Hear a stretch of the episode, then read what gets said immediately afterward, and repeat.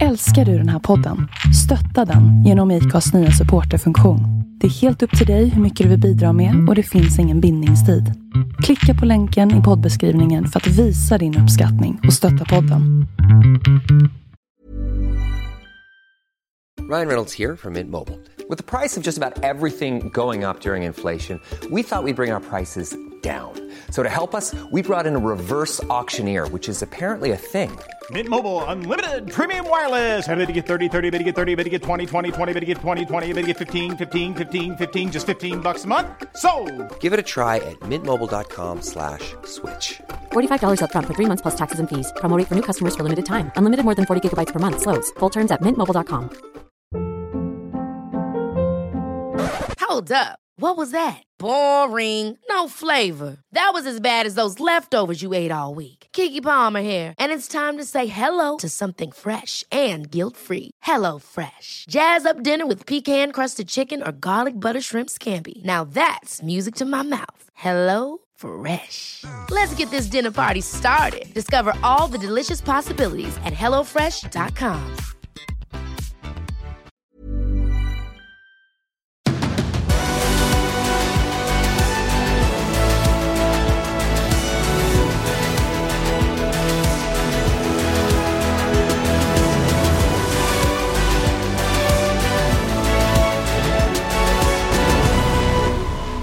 Väntan är över! Ny MotoGP-podd med Lion och Mårtensson. Välkommen! Och det säger jag egentligen både till mig själv och till eh, Andreas. Du, det var, det var ett tag sedan vi satt så här, eller hur?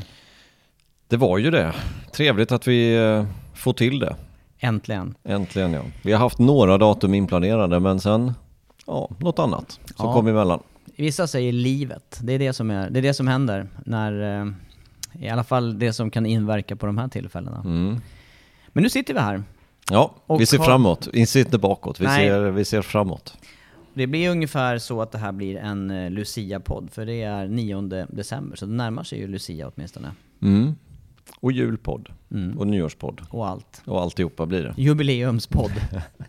det är synd att det inte är det jämnt. jubileum? Nej, det är det inte. Det är 164, så att... Eh, jag vet inte om vi har något jubileum på det här riktigt. Nej, jag tror inte det va. Nej, Lite men jämnare nummer får det nog vara. Jag tror det. Men roligt att ses tycker jag, för att vi... Eh, I alla fall jag var rätt slutkörd efter säsongen. Det kändes att eh, de här Asien-racen och det med nattarbete och fram och tillbaka tog... Eh, det tog sin kraft faktiskt att göra. Åtminstone för mig var det så. Mm. Det var många på rak. Ja, Faktiskt. det var det. Och en spännande säsong också som... Det var, det var en hel del att smälta där efter sista racet tycker jag. Mm. Så det finns ju lite att prata om idag, det kan man ju lugnt säga. Var ska vi börja, tycker du? Eh, nej, jag vet faktiskt inte vad vi ska börja och ta tag i. Men ska vi, ska vi ändå försöka hålla oss till ramarna? Jo, vi måste ha lite ramar och det, vi har ju haft det här upplägget med startnummer. Och även om det är 64 och ett ganska okänt startnummer så är- lär det, ju, det lär ju vara en av punkterna åtminstone. Jag tror det. Ska vi inte börja med det då? Även fast 64 kanske inte är det mest kända numret i MotoGP-sfären. Så får vi värma upp där med några meningar. Ja, men några meningar tycker jag. ja. Ja. Den, den före som vi faktiskt sa unisont när vi såg att det var 164, det var Bo Benschneider. Och då frågar ju sig de som inte ser MotoGP just, vem är Bo Benschneider? Och då Mm, kan, vi, kan man ju då kan vi berätta det. Ja, det, det kan vi göra. Det är det vi kommer göra nu. Det är ju en, eh, en förare, en u- ganska ung kille, född 99, från Nederländerna. Som också kör för ett eh, nederländskt team, visst gör han det? Mm, det gör han. Han kör för um, RV Racing. Gjorde. Inte längre. Nu är det s- de här eh, Mandalika Circuit, eller Ja. hur? Mm.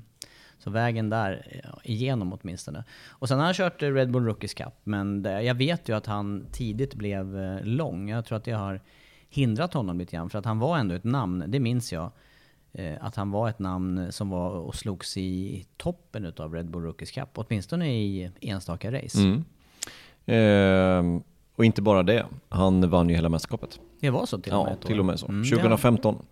Eh, första fem deltävlingarna vann han allihopa. Eh, och sen ytterligare tre segrar under den säsongen. Så han har alltså vunnit Red Bull Rookies Cup. Och ehm, det har vi ju pratat om tidigare i den här podden, att vinner man Red Bull Rookies, då har man en ganska ljus framtid till mötes. Och Och ehm, det har vi väl inte fått se kanske fullt ut, att han har blommat ut som en Jorge Martin till exempel. Eller Johan Sarko, eller några andra. Nej. Eh, men han har dock vunnit. Ja, det stämmer. Men, eh, men eh, en... Hänger det ihop med nationstillhörighet här tror du då? Att det finns... Hade han varit spanjor eller sydeuropé, italienare, hade det varit en annan väg framåt då tror du? Som Ja. det ser ut nu i Ja, mästerskapet? jag, är inte, jag är inte hundra på det. Jag tror att ehm, det finns, jo, det, det är klart att det hänger ihop med vilka, vilka vägar man väljer. Men han körde dock för, ehm, för Ajo-teamet i två säsonger. Men eh, alltså efter sin, efter sin titel i Red Bull Rookie så, så körde han hos Ajo i, i två säsonger i, ja, i bästa teamet egentligen i Moto 3. Men lyckades ju inte bra där överhuvudtaget. 14 och 15 i mästerskapet. Och sen så bar det ju iväg till Moto 2 istället. För han var ju lite för lång för Moto 3. Och det är väl där kanske är första orsaken till att det inte har gått bättre i hans karriär. Eh, och eh, efter två år när man inte lyckas i Moto 2 eller Moto 3. Även fast man har vunnit tror jag Burukis, då blir man ganska sval på marknaden. Och dessutom som nederländare kanske inte är den mest attraktiva nationaliteten i de här sammanhangen. Eh, Så han fick ju gå till Tektra och eh, Tektra på den tiden i Moto 2. Eget chassi, inte jättebra. Nej. Eh, och sen över då till det nederländska teamet med, med NTS-chassi, alltså i RV Racing. Och det är också ett, ja, ett bottenteam. S- Så två dåliga säsonger i Moto 3 har väl kanske ställt till det i hans karriär och längden. Ja. Men vi har sett honom eh, åtminstone göra några halvbra resultat och finnas med och slåss i, i topp 10 eh, i Moto 2. Ja, men det blev ju tre säsonger på, på lite undermåligt material och nu har han fått två säsonger då i, eh, ja, med Kalex-chassi istället och det har ju gått bättre och bättre. Det är ju ingen, inget snack om den saken, även fast han inte är en toppförare, inte än åtminstone. Men som sagt, ung förare 99, varför skulle inte han kunna få sitt genombrott nästa år? Det är inte omöjligt. Får hoppas det. Smeknamn har han lite intressant åtminstone. Bad, Bad Bow. Ja, och med tanke på att det, det hade ju stämt på en Aaron Canet kanske. Ja. Men det stämmer ju inte på, Nej, på han, Ben han, Snyder, nej, för det är helt motsatt intryck. Han ger inte det intrycket Och överhuvudtaget. uttryck. Faktiskt.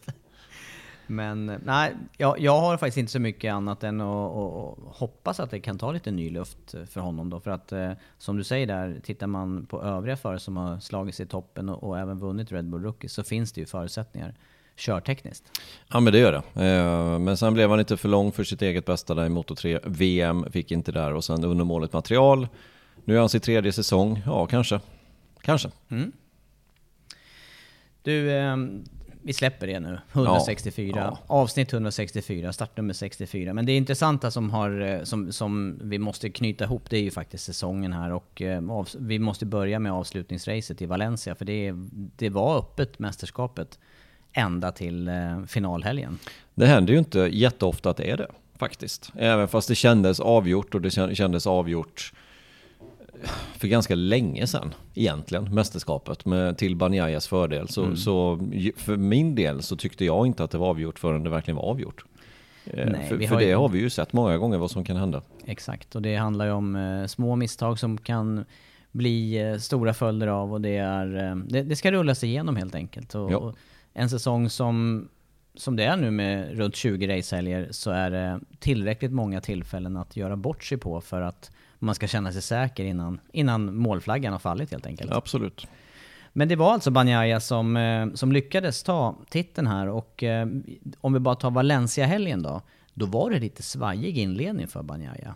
Eller hur? Han var nervös var han. Ja, var han. Riktigt nervös. Eh, vilket inte är så konstigt. Det står en VM-titel på gång.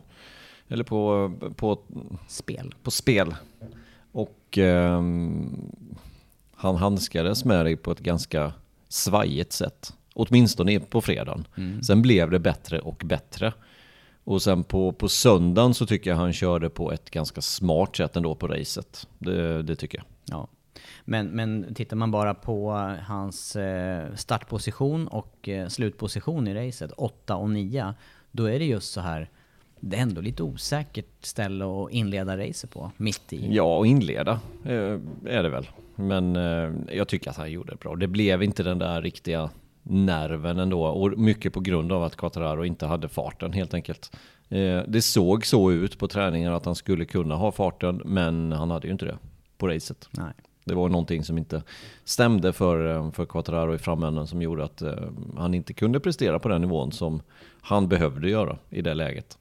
En spännande säsong egentligen poängmässigt här och vilken, vilken vändning det, det tog mästerskapet. Du Mm. nämner ju Banjaya och Quartararo här. Det var ju de som det handlade om till, till syvende och sist i sammandraget. Men, men själva Valencia-helgen, vi får ju komma in på de två när vi, när vi pratar hela mästerskapen. Men Valencia-helgen, där blev det ju en, en väldigt, eh, för mig, oväntad upplösning och oväntad pall framförallt. Suzuki vann sitt sista race i, eh, Helt i otroligt. MotoGP. Helt otroligt. Jag trodde inte Rin skulle vinna efter, nej men efter, efter träningarna. Eller det, det fanns inte så jättemycket som tydde på att han skulle kunna ta en seger. Och så gör han det här i det sista racet för Suzuki. Det är helt, det är helt makalöst egentligen. Ja. Och han vann ju även i Australien två racehelger innan. Ja, exakt. Nej, det, är, det är sjukt tråkigt att de, eh, att de går i pressen nu, de här cyklarna. Ja, det var rätt uttryck faktiskt. Går de bara rätt in i, i någon värmeugn där och trycks ja, ihop till... Ja, ja, knappt ett ugn, utan det är bara en, en hydraulkolv som trycker ihop skiten bara. Tyvärr är det ju så Ja, på, den, det- på den nivån. Är det ju. Ja. Jag vet vad som hände med, med, eller jag vet, jag har hört vad som hände med nej men, Yamaha 250 till exempel när det, när det skulle skrotas en gång i tiden. 02 någonting sånt där. Det, var ju pressen som gäller var det ju. Det var container och sen var det iväg. Ja, det är tråkigt att tänka så faktiskt. Tömma alla sortimentlådor man har med skruv och titanbult och allt. Allt bara, alla reservdelar in i en container och sen är det bara pressen som gäller. Så blir det fyrkantiga paket. Mm, och det när jag tänker på just eh, också med, med resultaten, det var ju en rejäl dipp för Suzuki eh, direkt efter Jerez och under sommaren här. Jag kände nästan att ah, men det här, nu, nu är det konstgjord andning, nu kommer de bara att simma igenom den här säsongen. Eh, men sen... Men det, det sa de ju ändå att de inte skulle göra. De sa ju det, det är fullt fokus på resultat under året från Suzukis sida. Men det är klart att Svårt. från teamet så är det en annan sak. Ja, och svårt att prestera som förare då. Men, men eh, det visar ju Rins här på slutet. Rins med all tydlighet och, och, och Mir däremot hade ju lite problem med... Han hade, han hade någon problem och hojen visste inte vad den var på banan, eller vad var det till slut? Ja, det var något problem. Men Mirs, eh, om vi, om vi nu, nu när du pratar om honom, alltså han har alltså, han tog inte poäng, ja Assen var sista racet han tog poäng denna säsongen. Mm, nej, tufft. Assen, Mm, tufft. det är ju, det är alltså inte en enda poäng på, eh, på andra halvan av säsongen. Nej. Helt otroligt. Midsommar senast han tog poäng. Jaha. Tufft för, för kommande år. Men, men Rins på topp. All- eh, Rins går ut med flaggan i topp tillsammans med Suzuki. Det, är ju, och, det, det var det som hände. Och sen så där bakom så jagade ju Binder som en furie. Hade han haft en bättre startposition då hade ju han tagit hem det här racet. Jag tror, att han, jag tror att han hade tagit hem det om han hade varit lite mer um, hård i sina omkörningar. För det var han inte. Han var ganska mjuk i både Quattararo och Banjaya när han skulle ta sig förbi de två. Eh, och tappade mycket tid på det. Eh, och jag tror att det avgjorde till hans nackdel.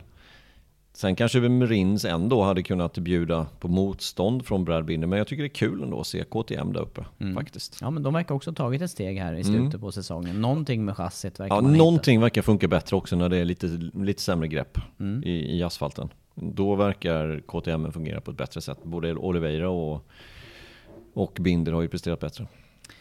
Och sen var det då en Ducati. Jag hade ju kunnat tänkt mig, precis som förra året, att det skulle bli en hel Ducati-pall även den här säsongen. Men det var Martin till slut som, som tog tredjeplatsen i racet. Jag tror att han skulle vinna faktiskt. Han har visat bra form och har ingen seger den här säsongen. Eh, Martin.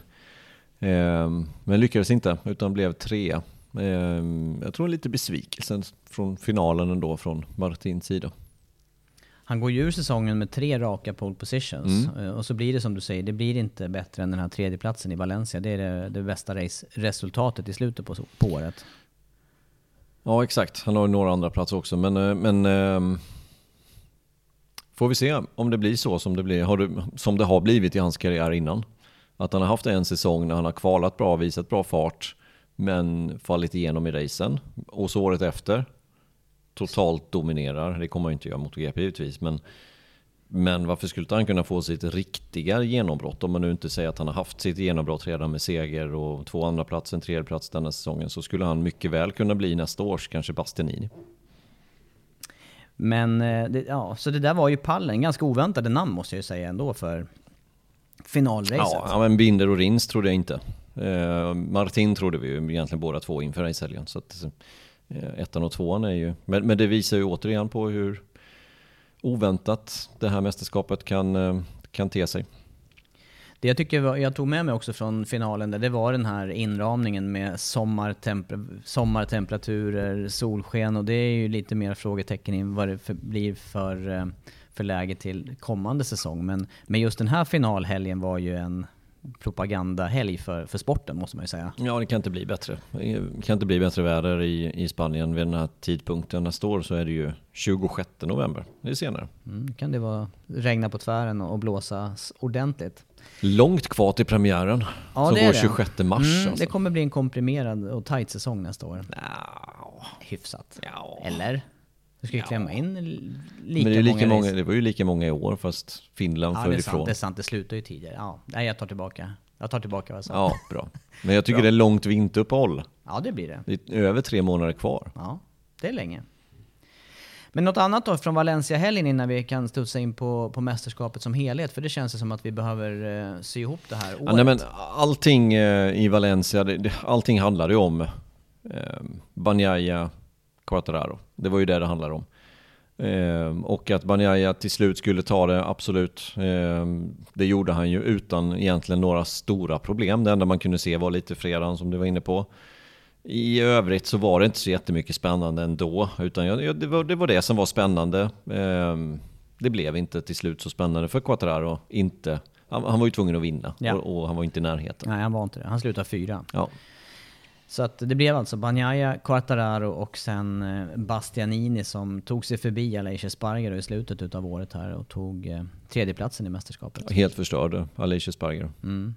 Ja, det, det rann ut, eh, vad ska jag säga, det var många möjligheter som eh, sumpades och, och försvann under eh, framförallt andra halvan av säsongen. Mm. Ja, det var inte många poäng där från, eh, från Japan. Nej. Tar man de poängen så är det alltså noll i Japan, det är fem poäng i Thailand, det är sju poäng i Australien, det är sex poäng i Malaysia och så fick han bryta med problem då i, i Valencia. Nej, det var som att luften gick ur och Mm. allt, allt hände på en gång här. Ja. Som, här ser man vad svårt det är att hålla ett helt mästerskap vid liv. Men jag tycker vi behöver, vi behöver sortera ihop det här med, eh, med mästerskapssnacket och eh, ett lämpligt sätt kan ju vara att utgå just ifrån eh, fabrikaten här och teamen för att se vad, eh, vad året har bjudit på. För det är, som vi är inne på, det, det är en lång säsong, det är mycket att hålla reda på. Mycket, mycket att minnas men också många saker som man har glömt och det sjunker undan. Så vi får se var vi hamnar här. Ska vi inte börja med listan? Är det, våran mest, är det mer spännande? Våran lista, innan vi går in på uh, Kan teamen. vi göra? Kan vi göra? Eller fabrikaten. Det kan vi absolut göra. Berätta hur du tänker. Nej men eh, vi gör en liten lista. Årets olika saker. Årets race till exempel. Mm. Årets start, årets målgång, årets krasch och årets överraskning. Det här presenterar du i flykten. Det var spännande. Det, Fem- blir- fem saker. Spännande. Ja. ja. Jag vet visst, att du har visst, faktiskt förberett det här, men vi vet inte um, vad vi har. Jag Nej. vet inte dina, du vet inte mina. Men eh, vi kommer nog hamna på samma på några kanske. Du, eh, vad, då, då vill, vill du att jag börjar eller? Mm, börjar du. Årets race. Vilket är det bästa racet under 2022? Det bästa racet? Jag tyckte... Ja, eller något annat som du tycker Nej, men jag, jag, tyckte att, eh, jag tyckte att det var... Att det hettade till och blev eh, otroligt spännande i slutet utav racet i Italien, Misano.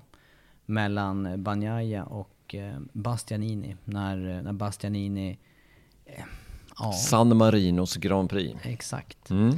När eh, Bastianini, ja, kom ikapp och eh, han hade bättre fart tyckte jag. Eh, kände väl sig osäker på hur och eh, när och var han skulle ta sig förbi Banjaya. Och så när han väl försöker så gör han ju ett försök som nästan är dömt att misslyckas och håller på att dra in i bakhjulet på Banjaya där i kurva 4. Jag tror inte ens det var ett försök.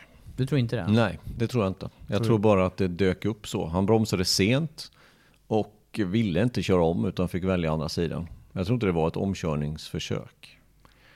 Eh, med det misstaget så satte han ett nytt absolut varvrekord, ett nytt varvrekord, alltså under race. På det varvet. På det varvet. Sista varvet i racet. Ja, och Kör de det var 30 ju- varv?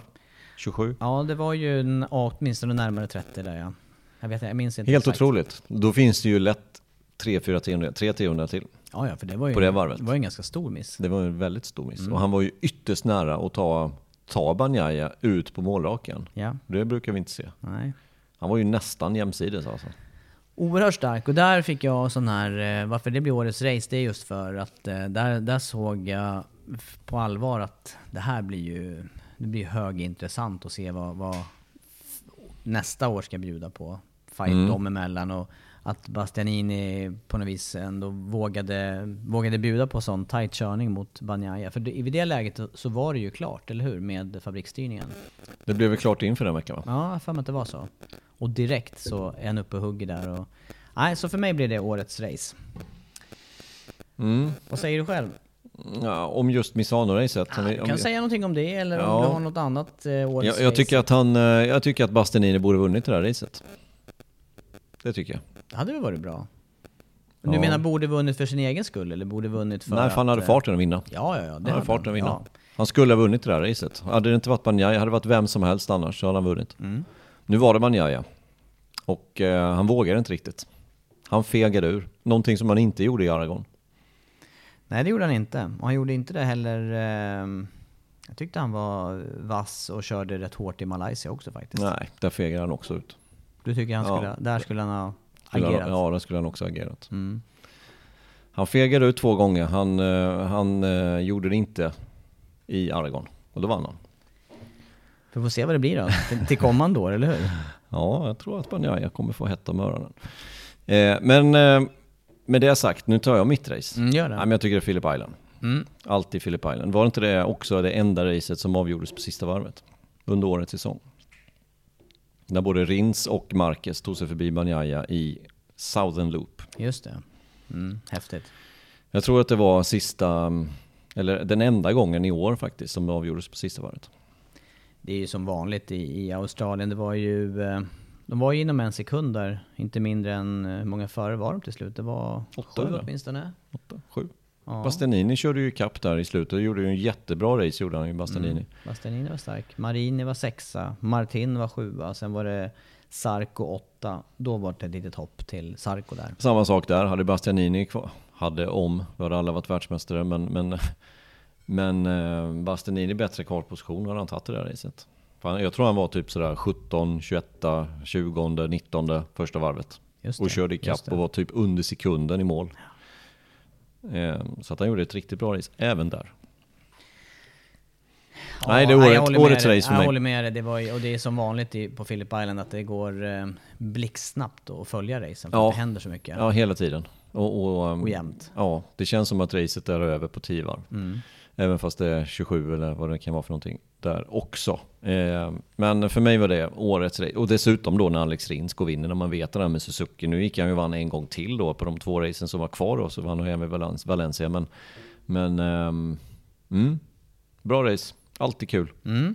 Vill åka dit någon gång? Det skulle jag också vilja. Jag har ju inte varit där överhuvudtaget. Nej, jag har varit där en gång, men eh, jag skulle gärna åka dit en gång till på MotoGP. Vi får äska. Äska Mm. budget för det. Mm. Och sen måste vi ju lägga in om eh, ledig tid också. Ja, Det är, det är ju värt, det måste Tre vara två, dygn för två åka dit. veckor eller någonting måste man vara där. minst. Minst. Minst. Ja, ja. ja, men det fattar jag att det blir eh, årets race. Jag kan, det kanske dyker upp eh, för mig också. Ja, exakt. Längre och Misano kanske dyker upp för mig också lite längre fram. Mm. Vem vet. Nu tar vi årets start då. Ja, det är för mig, eh, i positiv bemärkelse då, så är det eh, Banyaya i eh, Malaysia. Mm. När han skjuter fram på insidan där, in mot första sväng som är mer än 180 grader. Och Startar han nia. ja, visst var det nia? Tror det. Borde jag ju ha Och så kollat uppe på en andra här. plats Mm. efter Martin efter Ja. en sväng. Ja. ja, det var ju en svårslagen Och det var egentligen det racet ju som, som punkterade mästerskapet, alltså näst sista racet. Mm. Så var det ju det som gjorde att han tog en seger där, vilket gjorde att han hade, var det 23 poäng inför sista racet? Och gjorde att Quartararo hade behövt vinna sista Ja. racet. Ja. Mm. Nej, det, var, det var fantastiskt att se. Väl avvägd, väl eh, stark igångsättning i ett läge där det hade kunnat bli supersvårt att göra någonting annars. Mm. Ja, exakt. Den hade kunnat hamna i trafiken och haft problem. Ja. Kunde Men, blivit ehm, mittemellan resultat. Hämtade hem dig från dåligt kval till ett klockrent start och resultat med seger. Ja, och starkt det- gjort. ja, det Starkt det. eh, psykiskt faktiskt. Ja, det var det. Och kunna göra på det sättet som man gjorde. Även fast Bastianini hade kunnat ta honom. Jo men det tror jag också. Jag tror ju det i, eh, egentligen i, ja, framförallt det här racet jag nämnde där, Misano, men som du säger, ja, Malaysia. Man, det blir ju där till slut läget att man biter inte den hand som föder den. Det är Nej, svårt att göra i alla fall innan man sitter på plats där. Sen nästa år, då blir det ju... ja då. blir det och dessutom om Bastianini skulle starta säsongen Bra. lite bättre än Banjaya. Det vore bra. För hans det vore det. Ja. För då, har han inga, då behöver han inte förklara sig Nej. varför han kör hårt mot världsmästaren. Nej, precis. Nej, då, då tar, det var positivt då. Jag tar Mm. negativ då. Då tar jag starten i eh, Barcelona. Som slutade med en, jag vet inte om jag kan säga masskrasch, men det var åtminstone tre stycken förare som försvann. Det var läskigt dessutom. Ja, den var riktigt kraschen. läskig. Nakagami var det ju som gjorde missen. Ja. Eller? Så vi får ju säga att det var en miss, eller hur? Ja, det är klart det var en miss. Eh, han kom in i, i slipstreamingen på Banyayas cykel och eh, det skakade till helt enkelt. Och när han skulle bromsa så fanns inte den bromsverkan som han trodde att han skulle ha. Nej, och det var ju det var en läskig ehm, eh, reaktion, eller det som hände därefter var ju riktigt otäckt att se när, när Nakagami då eh, bromsar in och eh, träffar bakhjulet på Banyayas Ducati med, med hjälmen. Och det, ja, det, det snäppte ju till ordentligt där i huvudet. Kunde gått dåligt. Det kunde gått väldigt dåligt. Eh, Fick katten vara med också i podden. ja, Hon har inte poddat på ett tag. nej. Men du, då var det ju Nakagami som gick Mm. omkull. Banyaya likaså. Vad hade vi mer som drogs med? Det var en till, eller hur? Ja, var det Mir eller? Ja, det var, jag undrar om det inte var en Suzuki där. Jag ska kolla det här. Rins kanske var. Mm, Ja, men Rins var det. ja, det var det. Rins var det. Mm. Han bröt ju armen också dessutom. Till och med det. Se vad man glömmer. Mm. Minnet är bra, men det är Men det är kort. kort. Nej men det var otäckt den här kraschen och eh, ja... Den Kunde har vi- slutat den- mycket den- värre. Ja, och vi har, ju, vi har ju snackat olika krascher faktiskt vid något tillfälle här under säsongen. Ja, Och just och här- med just bestraffningar och Ja. sådana här saker. Ja. Ehm, så det behöver vi kanske inte göra igen, men eh, ett misstag från Nakagami var det. Blev allvarliga konsekvenser, men misstaget är ett, eh, ett litet. Säg så då. Mm. Målgång då? Årets målgång. Ja. Den, den har jag ju redan eh, blivit snuvad på när du dra, drog Australien där. För att den, eh, det var det jag tänkte också där med eh, spänningen Mm. och, och eh, jämnheten och avslutningen där med omkörningar på sista varvet. Men det, ja, får bara konstatera det att Australien och Phillip Island det är en bana som det är svårt att ersätta. Om, Mm. den skulle, om man skulle få för sig att byta till något annat så är det, något annat så är det, det, det är en av banorna som ligger högst på min lista när det kommer till en racehelg att Mm. kika på. Faktiskt.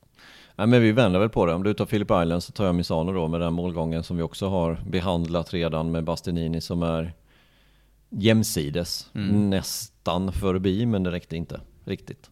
Ut på målrakan, vilket också betydde vilken fart han hade där i det läget. Ja. Ehm, årets krasch då? Vad säger du om det? Den, den Ja men börja punkten. du. Jag är nyfiken på vad du har. Ja men det jag tänker, och för det, då handlar det inte om att kraschen i sig var så spektakulär, snarare tvärtom. Utan det var mera konsekvensen av kraschen. Och då tänker jag på um, Assen, på det som hände mellan Quartararo och Aleix Espargaro. Och det var ju Quartararo då som kraschade en gång och sen fick han igång hojen och körde ytterligare. Och ah, gjorde ju faktiskt ytterligare en krasch. eh, Mm. i, men sen som var paj. Traction control sen som var paj. Det var det ja. Så han flög över styret ju. Ja, och det hade ju i sin tur kunnat sluta illa vid det andra tillfället. Men det var ju en krasch som fick väldigt stora konsekvenser för att eh, det gjorde ju att eh, mästerskapet började vända där till hans... Det var där det började. Mm, det var där Återhämtningen. nedförsbacken började för Quartararo och... Nej, säger man tvärtom kanske. Uppförsbacken började för Mm. honom. Ja men det var väl det där tillfället under säsongen där det vände. Ehm, för hade inte Banjaya vunnit, eller han hade säkert vunnit i vilket fall. Eh, men hade Quattararo tagit en andra plats då hade mästerskapet inte sett ut som det gjorde riktigt. Nej, För det, det var in- liksom brytpunkten. Ja, det var det verkligen. Och sen gick det in i sommaruppehåll där och sen var det... Snackisen var ju bestraffningen hela tiden. Ja. Ja. Eh, och det var ju det som alla fokuserade på egentligen. Och Silverstone-helgen ägnade ju Quattararo åt mer att åka runt den där bestraffningsslingan än att göra någonting annat. Kändes det som. ja, det gjorde det faktiskt. Så ja, men det, det var verkligen den kraschen, det var där det vände. Och, och, eh, och Banjaya fick sitt självförtroende tillbaka, tillbaka lite grann också. Dessutom, med den kraschen. För det var seger innan i Tyskland för Quattararo. Det blev en nolla där i eh, Nederländerna. Och sen var det, därefter var det ingen seger utan bästa resultatet efter det var en andra plats för Quattararo i Österrike. Alltså det blir, det blir årets krasch. var han lite en- girig där då? Ja, men jag tycker att han gjorde den där eh, dragningen, höll jag på att säga, lite för tidigt i racet. Mm. Kändes inte som att det var nödvändigt. Ja, men det, det, jo, jag- det, det, jag kan ändå tycka att det var nödvändigt. För Banjaya höll på att segla Ja, ifrån det gjorde Aleix han. Espargaro. Och eh, det bästa omkörningstillfället för en Yamaha kanske är där. I struben. Men han var inte riktigt nära att lyckas. Nej, men då, då skulle han ju- behövt vänta ett varv till då kanske. Ja, kraschen har vi ju behandlat i sig. Att Ja. han var ju värd den där bestraffningen, tycker jag Ja, ja. fortfarande. Ehm, för det var overly ambitious, som de uttryckte det i, i rapporten sen. Så att, eh, han blev kanske lite girig helt enkelt. Det har gått bra. Han, var, han hade ganska många poäng ner till, eh, till Banjaya i det läget. Var det 91 då? Ja. Just inför Assen. Ehm, skulle förbi Aleix Espargaro. Nu. Han kanske skulle nöjt sig med en andra plats där. Låta Banjaya dra. Och komma lite efteråt istället. Ja, ja, det hade ju sett ja, det vet vi att det hade sett annorlunda ut såklart, men eh, då hade det varit betydligt tyngre eh, att ta sig tillbaka. Och så hade ju eh, Silverstone-helgen sett annorlunda ut också, som du säger. Mm, För där, där låg han ju två när han tog sin bestraffning. Ja, ja, ja. Och, och de var på väg ifrån klungan. När han var tvungen att ta bestraffningen och hamnade i trafik sen. Så, att, så här i efterhand, det är lätt att säga att han skulle gjort på ett annat sätt ett halvår senare. Men, men ska man peka ut någonting denna säsongen som fick det att tippa över till Banjayas fördel, då var det ju den kraschen. Det låter ett som att du också har enkelt, tänkt... enkelt litet misstag. Ja, det var det. Det låter som du också har tänkt på den, eller du kanske tänkte något mer eh, dramatiskt? Nej, men jag, ja, jag har redan tänkt på den här, men det var inte riktigt den jag tänkte ta upp här. Utan eh, jag tänkte frångå, nu heter vi ju MotoGP-podden av en anledning och det är för att vi pratar MotoGP och inte Moto2 och Moto3. Det gör vi i alla fall ibland. Och denna gången tänkte jag ta upp Moto2, som också blev the defining. Mm.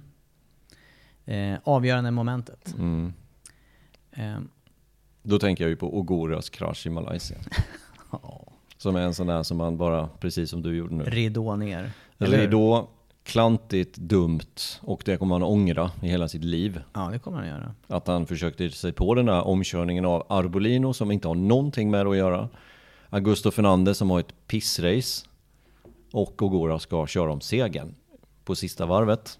Ja, sista varvet. Sista exakt. varvet. Och kraschar och nollar.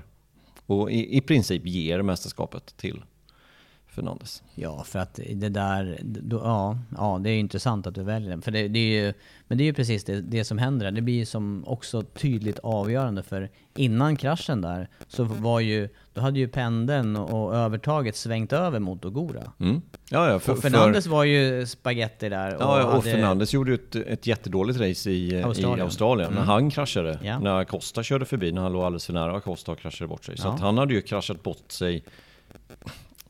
Ett sånt misstag kan jag, kan jag ändå köpa. Men jag kan inte köpa ett omkörningsförsök när man bromsar 40 meter för sent och ändå ska in cykeln in mot Apex och går omkull och nollar när man, slår, när man är i VM-ledning. Det är, det är inte bra. Nej. Det är inte bra. Det kommer förfölja honom, det där misstaget. Och jag tror också att det, det kommer, ja men säg Honda som han är påtänkt för. Honda ser det. Och kommer att inse att de behöver jobba med vissa saker med honom.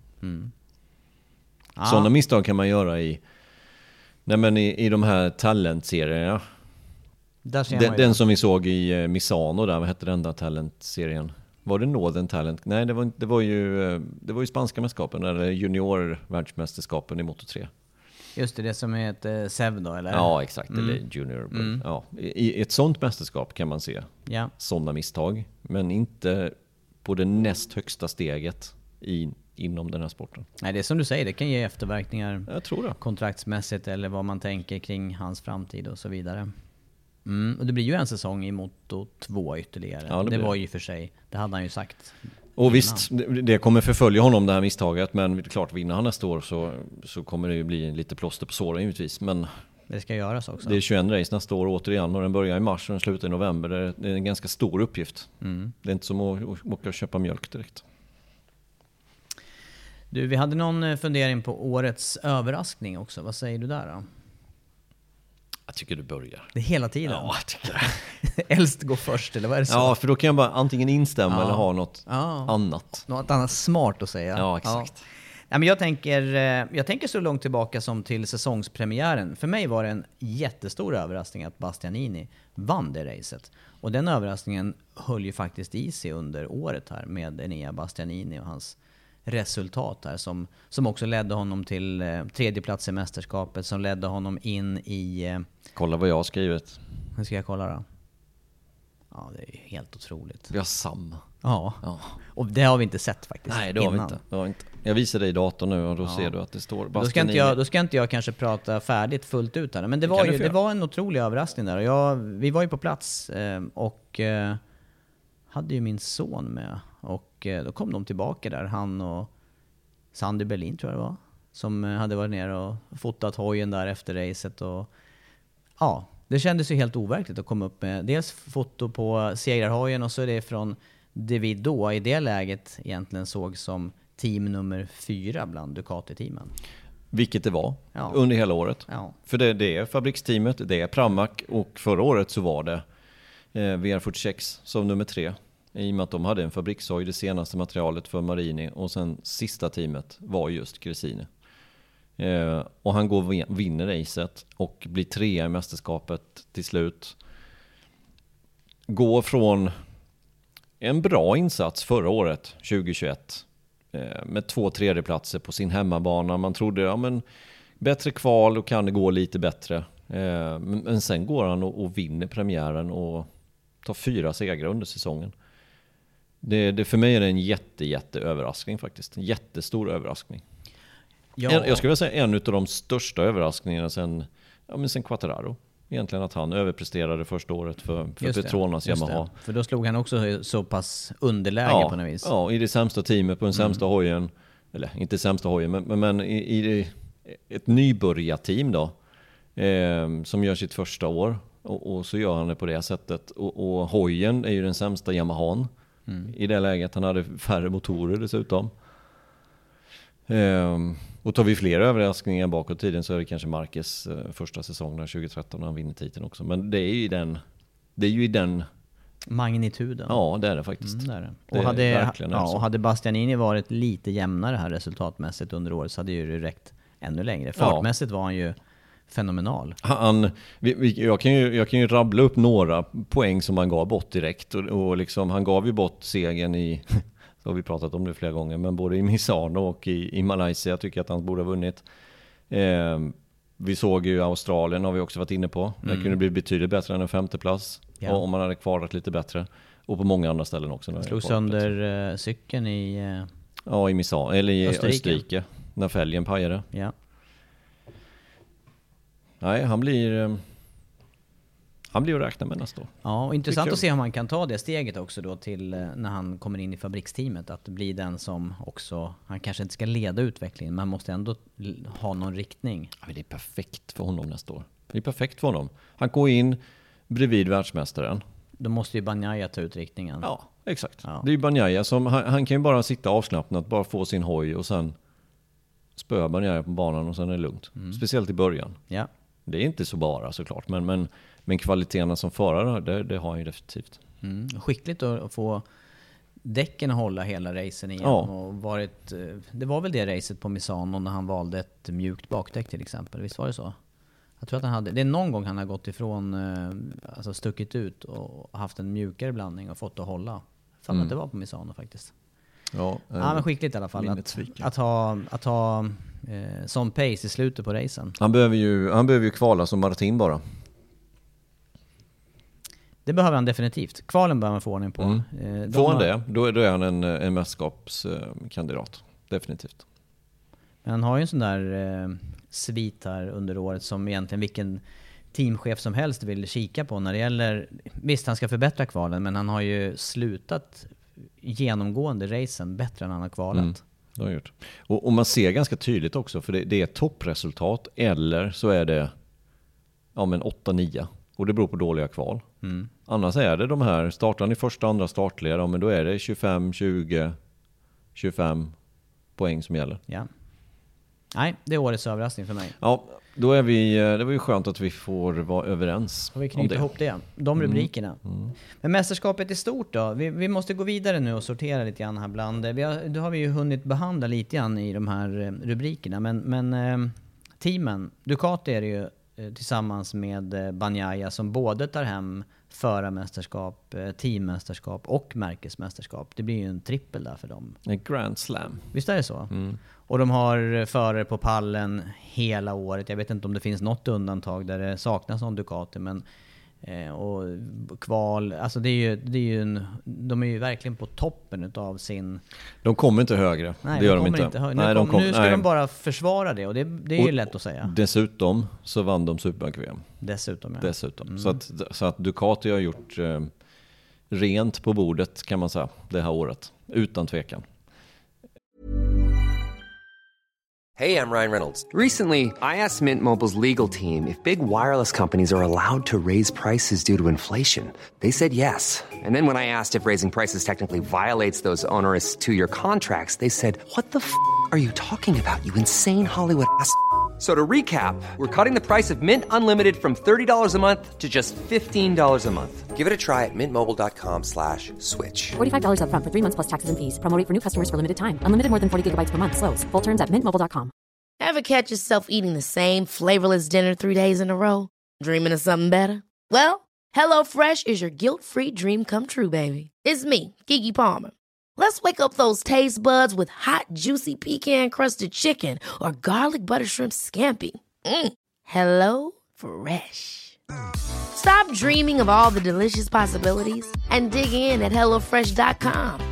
Let's get this dinner party started. I'm Sandra, and I'm just the professional your small business was looking for. But you didn't hire me because you didn't use LinkedIn jobs. LinkedIn has professionals you can't find anywhere else, including those who aren't actively looking for a new job but might be open to the perfect role, like me. In a given month, over 70% of LinkedIn users don't visit other leading job sites. So if you're not looking on LinkedIn, you'll miss out on great candidates like Sandra. Start hiring professionals like a professional. Post your free job on linkedin.com/achieve slash achieve today. Eh, och då finns det en väg. Och det är oftast neråt. Men de har ju gjort det genom att eh, vara innovativa och i framkant när det gäller tekniska lösningar och eh, jag vet inte vad man ska säga annat kring det här arbetet. Men det, det började ju på något vis med Gigi Dall'Igna när han kom in i bilden och vägen Det har blivit, ste- ja, det har blivit stegvis bättre. Ja. Eh, de gjorde en attack med en, en riktigt bra förare, Lorenzo. Som inte riktigt eh, utvecklade sig så som de hade hoppats. Första året var lite svagt ifrån Lorenzo resultatmässigt. Men de, de gjorde en stor push där, la mycket pengar den säsongen, på, eller de två säsongerna och på Lorenzo för att de skulle ta den här efterlängtade titeln. Men kanske avpoliterade honom lite för tidigt mot vad som var tanken och eh, kanske att Lorenzo skulle avvaktat någon säsong att gå in där. Eller att Ducati rättare sagt skulle avvaktat någon säsong. Man vet inte. Det är jättesvårt att veta. I det läget hade de ju två förare som, som var bra också. Jag tänker på Janone och jag tänker på Dovizioso. Det var inte, det var, det var, det, så i efterhand så var det ju inte riktigt bara toppföraren som saknades utan det var ju maskinmaterialet som inte riktigt var där. Nej, precis. Eh, till 100%. Även fast de blev tvåa i mästerskapet med Dovizioso så var de inte riktigt redo. Vilket de är nu. Eller och, det, och det långsiktiga arbetet bakåt där, det är ju, det är ju en del eh, tack vare Dovizioso såklart som, som cykeln blev så allround att köra. Och givetvis också Lorenzo. Ja. Att den kanske har blivit lite mer lättkörd under den perioden när han var involverad i det. När Mm. de skulle göra allt för att det skulle passa honom. Vilket det gjorde till slut också med sina segrar som han tog det. Men att, eh, men, men eh, och sen har, har ju också Ducati legat i framkant eh, reglementsmässigt med utveckling av vingar, aerodynamik och det som verkligen har... Sänkningsanordningar. Ja, först med, med, först med det mesta skulle jag säga. Ja, absolut. Och så har de andra följt efter. Och det, har gjort, det har ju också gjort att man har haft lite försprång där med, om tanken kommer därifrån, om man börjar använda det, då ligger man just lite före. Mm. Det var ju till och med då när man gjorde de här enhetselektroniken, då var de ju först med att gå över till det. När det fortfarande var tillåtet att ha sin egen elektronik. De gick, de gick ju över någon säsong tidigare bara för att helt enkelt få lite försprång från början. Mm. När väl Yamaha och Honda skulle gå in med, med den här elektroniken. Vilket också har spelat med, givetvis. Men då ser man det också på, det här avspeglar sig ju egentligen, då kan man ju med det här egentligen både säga Fabriks Ducati, eh, Pramac, eh, VR46 och även Gresini att nu, nu är det åtta cyklar egentligen på griden i år som har kunnat vara på pallen och Mm. tagit segrar. Den enda som inte har tagit någon pallplats det är väl Marini här. Mm. Utav, utav alla förarna. Det är, ju- Otroligt. det är otroligt. Åtta förare. Ja. Fortsätter med åtta nästa år. ja, det blir spännande. Ja, det, blir, det, det sker ju lite i förarsvängen. Eh, fabriksteamet med Banjaya, Bastianini. Pramac med Martin och Sarko oförändrat. Mm. Eh, VR46 oförändrat. Det var ju faktiskt dramatik bara nu i dagarna här runt Sarkos gamla manager där Ja. som har gått bort. Förlång. Mm. Korttidssjukdom, cancer. Ja, snackade med honom senast i somras. Jag blev lite Mm, chockad. jag blev också lite paff faktiskt. Mm. Sarkos manager alltså och Lorenzo Felons pappa. Ja, som kör i Moto 3 då. Ja. Ja, ja men, eh, men, men det är oförändrat i... eh, VR46. Pram- Pramac är oförändrat. Pramac oförändrat, eh, VR46 oförändrat. ehm, eh, och ehm, i Gresini så blir det däremot en, en ny förare med Alex Marquez som går in och tar Bastianinis plats. Så den som försvinner från, från Ducati-familjen det är ju Miller. Mm. Ehm, och Alex Marquez kommer in och så alla andra hoppar upp ett snäpp kan man säga. Mm. Det blir spännande. Ja, men det blir spännande tycker jag. Eh, Alex Marquez är trots allt världsmästare både Moto 3 och Moto 2. Det är ingen dålig förare överhuvudtaget, men har problem hos Honda, som alla andra, utom hans bror. Mm. Eh, så att förarkvaliteter har han definitivt. Varför skulle inte han kunna bli årets överraskning? Ja, jag kan absolut se det framför mig. Och han har erfarenhet nu också. Han har erfarenhet, han vet hur det känns, han har kämpat i motvind nu i tre säsonger, han har två pallplatser. Det skulle mycket väl kunna bli en, en rejäl överraskning faktiskt. Om, eh, om Alex Marquez kan prestera, och vilket jag tror att han kan. Mm. Och när det gäller, eh, det blir en viss förändring också i, i VR46 där jag Mm. för mig att de inte kommer att ha full fabrikscykel på Marini. Så var det ju i år. Det var ju fem fullfabrikare och det var ju tre stycken eh, fjolårsmaterial om man nu säger så. Då. Eh, Marini fortsatte ju på den cykeln han körde i år så det blir ju alltså fjolårsmaterial som han kommer köra på. Så fyra, fyra blir det ju istället. Eh, och, och det har ju också varit lite snack om det faktiskt i dagarna här. Just om, eh, och, och det var väl det var väl filmpresidenten som var ute och svingade lite grann. Var det inte så? Det var inte han som Jo. satte igång de här sakerna. Vad nu, vad nu Jorge Viegas har med det här att göra överhuvudtaget. Men han kunde inte knipa tyst. Nej, visst var det någonting om eh, vad man skulle välja för cyklar där Ja, han, han sa att de kommer köra med åtta cyklar nu Ducati den här säsongen. Eller alltså 2023, men till 2024 så kommer V46 byta till Yamaha. Och, och detta har ju vi pratat om ganska många gånger, att det är den naturliga utvecklingen. Men eh, det behöver ju inte komma från filmpresidenten kanske, utan han kan ju vara tyst Ja, kanske. ja, jag Om- tycker det. Det verkar ju rimligt. Det verkar ju rimligt. Ja. Så det här fick ju, det här fick ju Uccio då gå ut och dementera att nej, men så är det absolut inte. För VR46 har ju kontrakt med Ducati, alltså 23 och 24. Ehm, så att han fick ju gå ut och göra en dementi på det där. Men, men jag tror att det ligger mycket i det ändå, även fast han har dementerat det. Mm. Så tror jag att det ligger ganska nära till hans. Jo men och det kan ju vara ett steg i den riktningen också, att Ducati drar ner på... Man sätter inte in en fullfabrikare till Marini. Man, man har någon eh, tanke och att det här kommer inte fortsätta i, i någon längre tid med eh, det teamet. Kanske? Nej, nej, exakt. Så eh, jag, jag ser det som naturligt att, att VR46 kör Yamaha till 2024. Men det finns säkert mycket att lösa och det kanske inte blir gratis för VR46 eller så Kommer de överens om någonting annat eller du vet? Man vet inte riktigt spelet bakom kulisserna i det här läget. Men jag tror ändå att det ligger någonting i det där. Eh, och, och Yamaha-anknytningen till Rossi den är ju stark, det vet vi. Yamaha nu bara med två cyklar på griden när de har tappat eh, RNF-teamet till KTM. Till april jag menar. Så det, det, det är ju helt naturligt att det skulle bli på det här sättet. Om det blir så. Men, men det är massor med eh, upp här för Ducati under säsongen som vi pratar om. Eh, är det några ner eller minus som du ser på någonting som man verkligen behöver jobba med utvecklingsmässigt för att eh, ta det här klivet? Nej, eller nej, nej inte, inte, klivet ut, kanske. inte Kli- utvecklingsmässigt. Men, men jag tycker att det... Jag tycker att det ibland speglas det igenom lite deras... Eh, vad ska man säga? Deras, inte orutin, men deras... Eh, italiensk Ja, jag fattar sätt vad du jagar att efter. liksom. Jag tänker bara på den här, Italiano. Jag tänker på hönsgården där Ja. i, i eh, Malaysia. Malaysia. Ja. Jag kan ju för lite italienska. Här skulle man ju vilja krydda med något italienskt uttryck, men hönsgård borde ju finnas där. Liksom, Eller den här... Ja, men någonting där som... Varför kommer man inte överens om saker och ting innan? Och så ser man till att det blir så. Eh, Varför hindrar man... jag- tycker fortfarande att det var... Det är ju bra för racing och jag älskar att de kör om varandra på sista varvet och ditten och datten. Och... Men att Bastianini tilläts att vinna i Aragon. Ja, du vet. Mm. Ja, det finns några sådana Det, exempel. det på- finns lite där tror jag. Jag tror inte att detta hade hänt om teamchefen hade hetat Lin Jarvis eller Alberto Puig. Nej. Det hade inte riktigt varit så då. Det hade inte blivit... Det ha, tänk dig själv Lin Jarvis springa mellan Petronas Yamaha och Fabriks Yamaha när Vinales eller, eller Quattararo. Nej. Det hade inte skett. Nej, det hade inte För det hade skett på ett annat sätt. Men här är det på något sätt både nerverna och temperamentet utanför kroppen. Mm. Kändes det som. Under halva säsongen. Ja, precis, det var under en ganska lång period. Ja, det var de ju det. ju verkligen, när, när väl eh, Banjaya fick fart och började plocka poäng på allvar där med segern i Nederländerna, så var man ju tvungen att, att fokusera på honom, för då var det ju bara han där uppe i Ja. mästerskapet. Ja. Annars hade ju det här mästerskapet kunnat glida mellan fingrarna igen.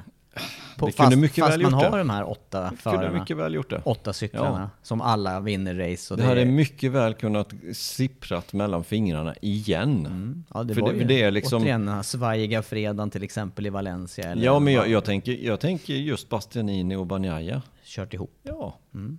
Hur, svårt har det varit? Det har, det varit ett sånt enkelt litet misstag. Att hade, eller att Bastianini hade bromsat och inte bestämt sig i rätt tid i Misano och sen hade det pang sista varvet. Ja. Det var ett helt annat mästerskap. Så att, ehm, Kanske mest bakom kulisserna då, som man har utvecklingsarbete att göra. ja. Ja, Ducati i alla fall på, um, på toppen utav eh, framgångsvågen just nu. Det kan vi ju konstatera och det ser ju oerhört lovande ut för nästa säsong också. Ja, det gör det. Men, men frågan är om det inte är för mycket motorhojar också. De, de, eh, ja. Det finns mycket som tyder på att de kommer downsize det lite grann till sex. Tycker jag. Rimligt. Rimligt. Högst är det. rimligt. Yamaha med eh, Fabio Quartararo då i eh, ensamt majestät får vi säga. Han drog hela lasset under säsongen. Morbidelli underpresterar. Eh, Likaså RNF-teamet med eh, Dovizioso. Darren Binder kanske vi inte kan dra över samma kam där, men han eh, hjälper ju inte till utan det är Quartararo som är huvudnumret. Ja, och så Crutchlow då som ersätter Dovizioso. Och, och, och där var det, inledningsvis så var det ju egentligen lite som Honda. Att den enda som presterar så är det Quattararo. Ehm, och man visste inte riktigt vad, vad beror detta på egentligen. Ehm, varför är det på det här sättet? Men sen tycker jag ändå när Crutchlow kom in och visade att han gjorde minst lika bra resultat som Dovizioso. Att Dovizioso inte riktigt höll måttet. Nej, han kan inte ha gjort det, för att jag Nej. tänkte också på det. Det var, det var också väldigt, väldigt kort tid tillbaka som eh, vi lyfte Yamaha som den cykel där alla kunde prestera. Och det var väl framförallt där Mm. under, under tiden med Morbidelli och Quartararo i Petronas-teamet. Mm. Men, men så är det ju inte längre. Så är det inte alls längre, utan eh, den här säsongen så har Quartararo dragit huvudlasset. Han gör det så pass bra så att han eh, pressar Banjaya ända in till eh, mållinjen i princip då, men åtminstone så lever mästerskapet in till Valencia. Ehm, skickligt i sig, men vi såg ju också hur Quartararo har fått kämpa och, och, fysiskt jobba för sina placeringar under hela säsongen egentligen. Ja, Quartararo kanske är den förare som, som gör den bästa prestationen, även fast han inte vinner mästerskapet, så, så gör han en, han tar ut precis allting som går att ta ut. Eh, lyckas inte vinna, men snudd på att han gör nästan en bättre säsong än, än eh, förra året när han blev världsmästare. Det här med att köra en MotoGP-cykel på det sättet som Quartararo behöver göra, eller överhuvudtaget köra motorcykel så, när man inte har någon extra bonus med kraft eller fart på raksträckorna. Det är ju både eh, fysiskt jobbigt men också jobbigt för skallen. Och det såg vi också, första fyra racen. Vi träffade honom i, i Austin och körde ett litet reportage om, om Quattararo. Och han kändes, eh, han kändes slagen redan där. Mm. Sen började han prestera och, och sa ju det själv efteråt också att han började ställa om hjärnan helt enkelt och acceptera läget och prestera med vad han kunde göra. Och eh, då tog han sina segrar också. För det var sagt, som du säger, det var ju en högst, eh, det var inte medioker, men jo, med hans mått mätt så var det en medioker inledning på året. Ja, han hade ju en andra plats i Indonesien och det var ju klockrent och superbra för honom, för det var ju regn dessutom, någonting som han har haft problem med. Så, att, eh, så att det var ju jättebra, men i övrigt i torrresultat så var det ju ganska mediokra resultat så som, som regerande världsmästare. Men om då eh, Ducati är på toppen av sin framgång just nu och rider på det, Yamaha hänger ju ja, hur många år har vi flaggat för att vi tycker att man borde ha mer effekt och, och bjuda förarna på lite bättre fart rakt fram? Det, eller det kanske inte bara är effekten, det kan ju vara elektronik och andra saker också som inte är lika lätta att se för oss. Mm. Ja, men sen var de ändå världsmästare förra året. Ja, det är ju, det är ju sant. Det är ju så. Det är ju sant. Så eh, ja, det är klart att de är i lite mer trubbel. Och det blir ganska tydligt eh, på det sättet som man måste köra. Eh, att han behöver mer effekt och mer grepp bak helt enkelt. Eh, får han det då, då kommer eh, Quattararo vara att räkna med nästa år. Men, men, fortsatt, det vi vet är två Yamaha-cyklar kommande säsong. Sen är det det här snacket med VR46-teamet och då om de ska gå över till Yamaha mm. och fylla på med cyklar där. Ja, och Linn Jarvis har ju sagt det att det är på gång med ett satellitteam och det är mycket tydligt på att det är Rossis team helt enkelt som, som kommer att kliva över. Eller Gresini då som också bara har ett års kontrakt. Vi får väl se. Kopplingen är ju tätare och eh, närmare till hans att Rossi och VR46 tar över. Eh, eller tar över, ska jag inte säga, utan att man eh, byter märke. Men då, det gäller att krångla sig ur sitt kontrakt med Ducati då som gäller till och med säsongen 2024 annars. Mm. Om, jag, mm. om jag minns rätt. Ja. Mm. Det är Yamaha, Aprilia då, som eh, tar sig ända upp till en fjärde plats i mästerskapet. Men det är ju en fjärde plats med, höll jag på att säga, ger upp. Alltså det var ju så många tråkiga misstag teammässigt och Aleix Espargaro bidrog med ett, ett, några viktiga, eller ett par viktiga misstag också som, som tog poäng från honom. Ja, men jag, jag, tycker den kritiken som eh, Aleix Sparger framförde mot sitt eget team, att de var inte riktigt där för att slåss om de placeringarna som de ändå slåss om, eller slogs om. Eh, det blev lite så också i slutet av säsongen, men jag tyckte man såg det på några ställen. Den här att de glömmer att byta mapp i Japan, total katastrof. Eh, det här debaclet som Aleix Sparger själv ställde till med i Barcelona på hemmaplan. Sista varvet, tror det var målflagg.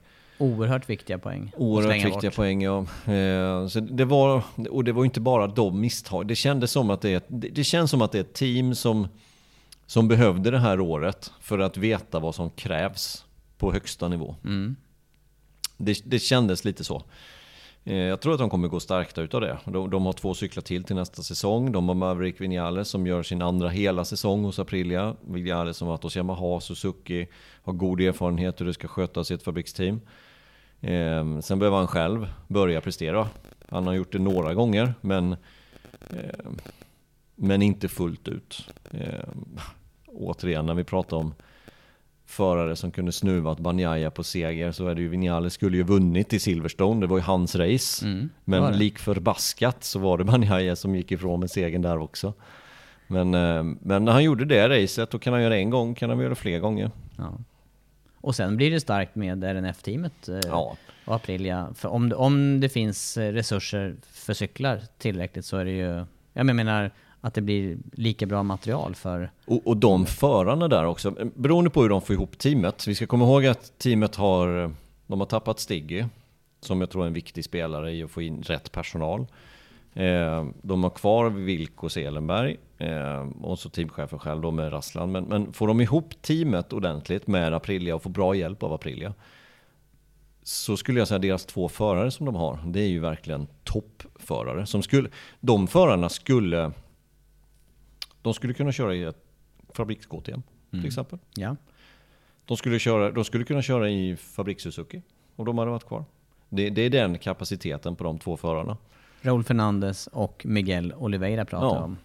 Fernandez eh, har ju haft supertufft den här säsongen i Tectroa-teamet. Eh, Oliveira, två segrar får vi inte glömma bort den här, den här säsongen. Den mest segerrika KTM-föraren Ja. i MotoGP. Ja. Så det är en ytterst kompetent förare. Så att, ehm, och sen dessutom då Alicia Spargaro som det ska bli intressant att se nästa år. Det kan, det kan vara att han kan rida kvar på den här vågen. Men det kan också gå lite luften ur honom känns det som. Han, han är ändå... Han, han, är, han faller lite på ålder snart. Mm, ja. Alicia Spargaro. Eh, och nu har han haft sin säsong. Och frågan är hur mycket energi den här säsongen tog mentalt ifrån honom. Om han kan upprepa det här igen. Eller om det här var den säsongen. Eh, det ska bli intressant att se med Alicia Spargaro. Vinales tror jag kommer fortsätta gå uppåt. Frågan är hur snabbt det kommer gå. Men jag, jag ser nästan alla de här fyra förarna som ganska likvärdiga. Faktiskt. Intressant, ja. Faktiskt. Och, och jämför liksom Oliveira. Han skulle ju kunna gått in i, i, i både Vinales sida av boxen och Alicia Sparger. Han, han är ju en utav de tre liksom, tycker jag. Det blir väldigt intressant också att se jämförelsemässigt mot just Alicia Sparger och se hur väl han står sig nu då mot ytterligare förare av högra, hög kaliber. Jag, jag tror att Oliveira kommer att förvåna många faktiskt. Ehm, jag tror att fabriksteamet kommer få det hett om öronen för att slå Miguel Oliveira. Om teamet levererar. Det, vi, vi ska komma ihåg att det är, återigen, det är ett ganska nytt team. Och första året med Aprilia. Det, det kan bli lite problem inledningsvis innan de har fått ihop gruppen. För det vi säger här nu egentligen, det är att både fabriksteamet måste steppa upp lite grann organisatoriskt under helgerna eh, för, att, för att få bort de här små misstagen. Samt då att forma ett nytt, eh, eller förse ett nytt team, Med förhållandevis grejer. nytt team med grejer. Det, är, det är stora förändringar. Ja det är det. det, det för Aprilia så är det en ganska mastig uppgift som, som följer nästa år. Och, um, alltså de har ju erfarenhet, de har kört MotoGP innan och sen har de ju dominerat de lägre klasserna med 10 hojar, 15 hojar. Så det är klart att de, de kan. Men de ska göra det också i MotoGP, det är helt andra resurser som krävs. Högintressant fabrikat i alla fall Mm. som vi såg eh, det här året ta så stora kliv så att Det ska bli kul att följa. Ja, man, de kom ju till helgerna egentligen med blankt papper för så stor skillnad var det på cykeln i år. Och är det någonstans det är fest i depån så är det hos Aprilia. Det är det faktiskt. Det är de som hörs Ja, mest. det, där var, är det, var till och med, det var till och med så att det var någon som var där och bad, bad det skruvas ner. Ja, flera gånger. Mm, det var det. Ja. Och var Ja, inte det från högst ort? Jo, det var det till och med. Kom in i depågatan och bara, nu får ni sänka. Vad var klockan då? Nej, det var ju bara på eftermiddagen, så det var ju... Men det var högt också. Ja, det var högt. Det var riktigt högt. Japp. Och det var inte bara på en bana, det var på alla ställen vi var på. Ja, det var det faktiskt. Ja, ja, jag, jag, jag, jag, jag, håller med. Italiensk fest var det. Eh, Ducati Yamaha Aprilia. Sen vidare till KTM då. eh, Med eh, i år Brad Binder och eh, Miguel Oliveira i fabriksteamet. Och sen Tectroa-teamet då med eh, Remy Gardner och med Raúl Fernandez. Mm. Gardner ut ur mästerskapet först och främst. Gardner ut, jättetråkigt tycker jag. Och eh, vi har pratat om det lite innan i podden, vi har pratat om det själva. Att det, det hade nog lite med hans manager att göra. Att han åkte ut det här mästerskapet. Eh, tråkigt tycker jag. Jag tycker Gardner är en... Eh, ja, men han, är, han är trevlig Absolut. att göra med. Mm, mycket. Eh, smart. Alltså bra förare framförallt. Eh, Och ganska laid back Ja. i... Mm. Och det är väldigt konstigt att det skär sig på det sättet som det har gjort, att han åker ut MotoGP. Faktiskt. För, för förarmässigt, vem väljer man? Gardner som har kört en säsong eller, Ulf, eller Augusto Fernandes? Nu vann han till slut efter mycket om och men. Jag hade ju alla dagar i veckan haft kvar Remy Gardner. Ja, alla dagar i veckan. Mm, hade jag också. Jag hade aldrig valt Augusto Fernandes i, de, i, i, det, i det valet. Nej, för nu är det också en ny eh, Ja, sammansättning där och gas-gas eh, på tanken och så vidare. Ja. Ja, det Så, så det var ju någonting annat som gjorde att han åkte ut givetvis Mm. då. Och, och det tycker jag är tråkigt och förvånar mig faktiskt att, eh, att det blev sådär med hans manager och Pecco Sanchez. Eh, men så blev det. Och eh, han åker ut, Raúl Fernandez till Aprilia, det har vi sagt. Eh, Augusto Fernandez, Paul Espargaro tillbaka då, Tektra, som blev gas-gas men KTM. Eh, och så Miller in då i fabriksteamet. Just det. Så egentligen, det, det händer jättemycket runt KTM. Ja. Och det har, ju, det har vi ju Tre sett också. Ja, de har ju haft en, under ett antal år nu så har man ju haft en uppsjö förare. Mm. Eftersom att man då har de här matarklasserna med Red Bull Rookies Cup och där det är kopplat mycket till KTM. Och eh, riktigt, eh, riktiga toppteam i Moto 3 och Moto 2 Mm. där under Aki Ajo. Så att just förarmässigt så har man haft många att välja på. Men vi har ju också sett att KTMs satsning eh, i MotoGP har varit eh, av det, av det massiva slaget. Man har verkligen Mm. pumpat in grejer. Men, men som vi konstaterade här lite tidigare i podden så hamnar man ju bra nu här i slutet på säsongen. I alla fall gällande binder och, och känslan i cykeln med Ja nya chass, nytt chassi. Men, eh, ja, nej men förarmäss eller maskinmaterialmässigt så har de varit lite på efterkälken under denna säsongen. Man har inte riktigt sett de där utvecklingen under säsongen tycker jag. I slutet blev det bättre, det blev bättre när det var dåligt grepp och det var bra i regn. I övrigt en ganska medioker säsong. Maskinmaterialmässigt. Förarmässigt, Oliveira två segrar. Binder, vad blev han i mästerskapet? Femma? Sexa till Sexa. Mm, han, var ju bara, Otroligt bra. han, var, han var bara en poäng bakom Miller. En poäng ja. Eh, och det var ju den där segern som han hade på gaffeln Mm, i Valencia. verkligen. Och då Mm. hade han blivit femma. Så att, eh, Binder är ju en eh, riktigt, riktigt bra förare. Riktigt bra. Eh, får de ordning på KTM då kan Binder vara med och slåss i mästerskapet. Om, alltså om, om titeln skulle jag säga. Och Binder, Men- Binder påminner ju på det viset eh, resultatmässigt här under året med, med Bastianini faktiskt. Ja. En sån här förare som inte kvalar så bra. Nej, men, men, blixtrar alltid. på söndag. Mm. Mm. Eh, däremot, för, återigen, vi kommer tillbaka till det i förar, förarpolitiken i det andra teamet där i, i Tektra som då blir gasgas. Eh, vi har en annan förare på väg upp. Vi pratade om det här för några år sedan. De har hur många som helst att välja på. Hur ska de göra? Och, och då var det på något sätt, nu, förra året tog man in eh, Remy Gardner då tills denna säsongen, Remy Gardner och Raúl Fernandez. Men nu tar man tillbaka en förare som har varit ute från KTM med, med eh, Paul Espargaro. Men man har fortfarande Pedro Acosta som knackar på dörren. Pedro Acosta gissar jag på gör sin sista säsong i Moto 2 nästa år. Ja, ja, ja. Sen ska han till MotoGP. Med stor sannolikhet. Han kommer ju vara en av titelkandidaterna. Han, exakt. Och om det ska följa den här trappan så ska han nästan ta titeln. Ja, det ska han göra. Och, och han är ju en av de kanske mest alltså, lägst odds på honom att Mm. han tar titeln. Eh, och vad ska han ta vägen då? Då kommer han ju peta ner Augusto Fernandes. För, eller Paul Espargaro såklart, man vet ju inte men... Det är svårt. Svårt att ta hand om eh, talangerna. Ja, svårt att ta hand om så många som Mm. de har haft. Eh, och sen med, med vissa, vissa tveksamheter kanske. Mm. Bland några. Det blir ändå ett intressant år att följa eh, även då Jack Miller tillbaka i, eh, i KTM-färger. Nu var ju det inte i, det har inte varit aktuellt i stora klassen, men eh, i familjen har han ju kört eh, i Mm. de mindre klasserna. Så att, ja, kan de nå liknande resultat som den här säsongen tror du i, nästa år? Med Binders sjätte plats där totalt. Mm. Slå Det sig, in i, slå sig in i topp fem kanske. Ja, jag tror det. Jag hoppas det. Mm.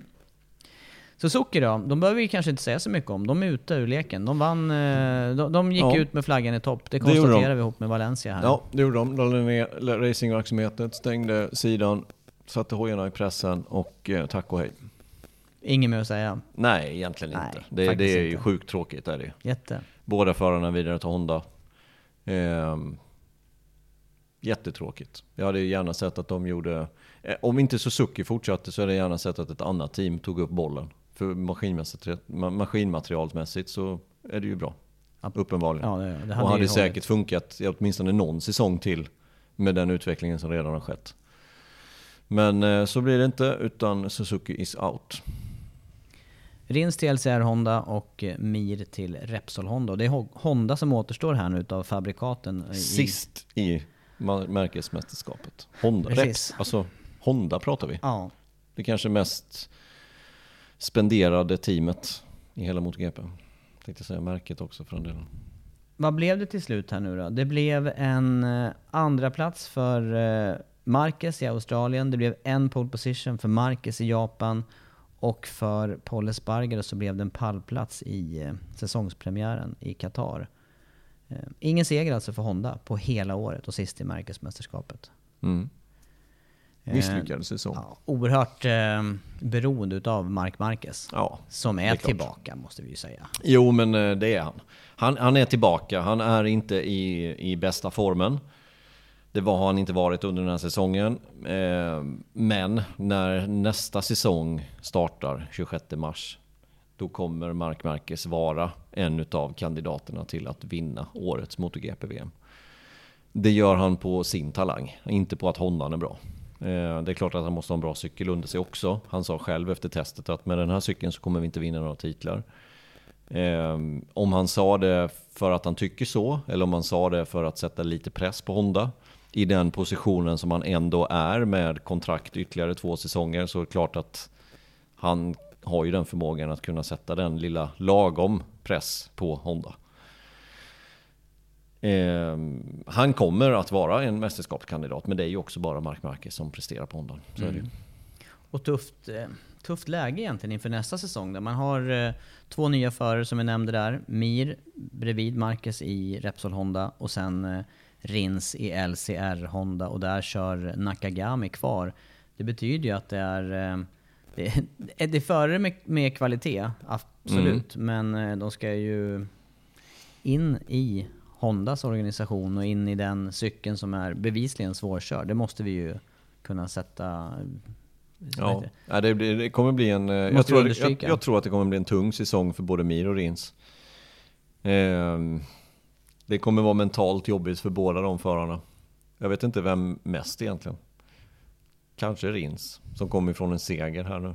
Ja, Två och seger segrar. på Phillip Island. Som går till LCR Honda som... ehm, ja, det, det kommer bli tufft. Riktigt, riktigt tufft. Eh, Mir har den där Repsol Honda-styrningen istället för Rins på grund av att han har VM-titeln. Inte på grund av att han gjorde bra resultat i år, för det gjorde han inte. Eh, men de kommer få det tufft, tufft, tufft. Eh, och det är bara att hoppas att Hondan är bättre än vad den var under den här säsongen för att de ska kunna göra några som helst resultat. Och de delar som man behöver utveckla på Hondan. Vad är, har, kan man uttyda Ja, men det, det kom ju en, eh, knappt kan man ju det. Eh, det. Det verkar vara så mycket så att det går inte att peka på en sak så. Utan eh, det, det är det mesta. De kommer ju ett helt nytt paket till den här säsongen. En helt ny cykel som var en helt annan design på. Den såg ju mycket bättre ut. Paul Sparger kom ju på pallen i första racet till exempel. Alla trodde att nu är Honda tillbaka. Jag kommer ihåg testet på Indonesien, de var etta, tvåa. Sen kom man dit på racet och det var helt andra däck och det gick åt pipan och Marcus slog sig och hade ögonproblem och allt vad han hade. Så att, ehm, det, det, det blev inte som Honda hade tänkt riktigt mot vad de trodde. Eh, nu är Marcus tillbaka. Det har nog hjälpt dem ganska mycket utvecklingsarbetsmässigt. Vintern kunde nog inte komma lägligare. Eh, att de behöver jobba på det de har helt enkelt. Och eh, får vi se vad de kommer med för, för cykel och hur bra den kommer vara eh, nästa år. Eh, men i vilket fall som helst så kommer ju Mark Marquez vara med och slåss om det. Så är det ju. Den talangen har han. Han är ju snabb i alla, alla olika fören och det kan vara blött och det kan vara kallt och det kan vara torrt. Han, han är ju där uppe. Sen har han saknat den här absoluta toppen. Ehm, men Kanske, ändå- kanske kopplat till hans fysik ändå i år. Ja, både fysik och... raceovana och- Ja, exakt. Eh, blev ju lite sordin, eller vad heter det? det? Det blev ju många missar i eh, sista racehelgen för Hondas del. Valencia där med krascher. Mm. Liknande krascher för hela, för Ja. hela högen. Ja. Nej, men de behöver, de behöver göra någonting. Innan var ju deras starka kort att de kunde bromsa sent och känslan in i fram, alltså in, in i svängarna. Någonting som verkar ha försvunnit med den här nya cykeln när de letade mer grepp helt enkelt. Så att de behöver ju hitta någon typ av kompromiss. Men eh, vi får se. Vi får se var de kommer landa. Det är ett team och eh, ett märke med mycket resurser. Så, så att Marquez kommer vara med. Mir och Rins tror jag kommer få det tufft. Riktigt tufft. Eh, Nakagami kommer vara ehm, Nakagami. Han kommer vara snabb någon träning och toppa någon warm-up och du vet så här. Men, men det kommer vara ungefär likadant och sen efter halva säsongen så kommer det tillkännages att han inte är kvar och så kommer Ogura komma in. Skönt! Vilken spåkula! det är bra. Nej, men det är bra. Jo, det- det jag ganska- ser, jag det- ser det- detsamma. Det det, jag säger inte emot där heller. Jag tror inte att han kommer få sitt genombrott och, och ta sju segrar i år om man säger så. Då. Nej. Tyvärr, för, för han var på gång ett tag faktiskt. Nakagami. Men eh, han måste vara skadefri också. Mm. Du, det har vi gått igenom Ducati, Yamaha, Aprilia, KTM, Suzuki, Honda som till nästa säsong då blir eh, ett fabrikat kort. Mästerskapet blir ett fabrikat kort. Men, men Andreas, om vi ska avrunda den här MotoGP-podden och, och bara titta framåt då. Du gjorde ju det ganska eh, ingående här när det gäller Honda. Men, men totalt sett, vad ser du fram emot mest inför eh, nästkommande MotoGP-säsong? Jag ser fram emot eh, drama inom Ducati. Det är kul. Det är alltid det, roligt. det är stort. Det är alltid roligt. Jag ser, jag ser fram emot eh, det här nya raceformatet. Racehelgerna med, med sprintrace på lördagar. Och då kanske det fortsätter det här Du, du dramat. trodde bara jag hade en sak. Nej, jag var tvungen att ta ordet. Jag kände du hörde. Du hade ju... Du hade hade ju blivit andats in-. Ja, du Jag hade andats in precis. Lungorna var Bröstkorgen var 72 sprängfylld. liter. Nej, men, eh, Nytt jag, format ja. Ja, det ser jag fram emot mycket. Mm, jag också faktiskt. Det ska bli spännande och det jag tror där är ju att eh, Ducati kommer... Det vi har sett från kvalen på Ducati, det vi har sett hur de... Hur de får igång sina bakdäck Ja. på enstaka snabba varv. De kan sätta sitt snabba varv på första flygande varvet när däcken är som fräschast. För de är fräschare på första flygande varvet än andra flygande varvet. Där de andra måste sätta sitt varv för att få upp rätt temperatur. Ja, det, det gör ju att... eh, Sprintrace står på 10 varv. det kan vara ytterligare fördel Ducati, just Ja. på lördagen åtminstone. Mm, kan det vara. Kan det vara. Eh, Men också fler tillfällen att eh, se race nästa år då, eh, med det här programmet. Alla dagar kommer gälla, gälla någonting. Fredagen, två träningar bara. Vi måste börja lära oss att sluta säga free practice. För det heter inte free, det är ju inte, det är ju inte ens nu fri träning. F1 har man ju slutat med det, nu heter det practice. Och det kommer det heta i MotoGP nästa år också. Skönt. Träning 1, 2, 3. Det kommer vara tre träningar. Två träningar på fredag, lite längre. Och sen blir det kval då direkt på lördag förmiddag. Nej, först är det fri, friträning 3. Träning 3. Hjälp mig med schemat där då. Nej men det är ju 1 och 2. Ja. Eh, träning 1 och 2 på eh, fredag. Då avgör vem som går vidare till Q1 och Q2.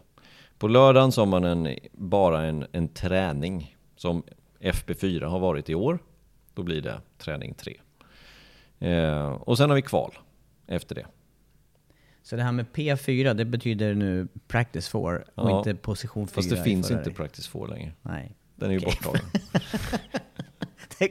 Förvirringen är total. Ja, nej men 1, 2 och eh, sen är det ett 3 på morgonen och sen är det kval direkt efteråt och sen är det sprintrace på eftermiddagen på lördagen. Halva distansen, halva poängen. Och sen är det en kort warm-up på 10 minuter. Den är förkortad från 20 minuter till 10 minuter på eh, söndag morgon och sen är det vanliga racet söndag eftermiddag. Warm-upen för de mindre klasserna är borttagen helt. Ingen warm-up för motor 2 och motor 3. De behöver inte värma upp längre. Nej.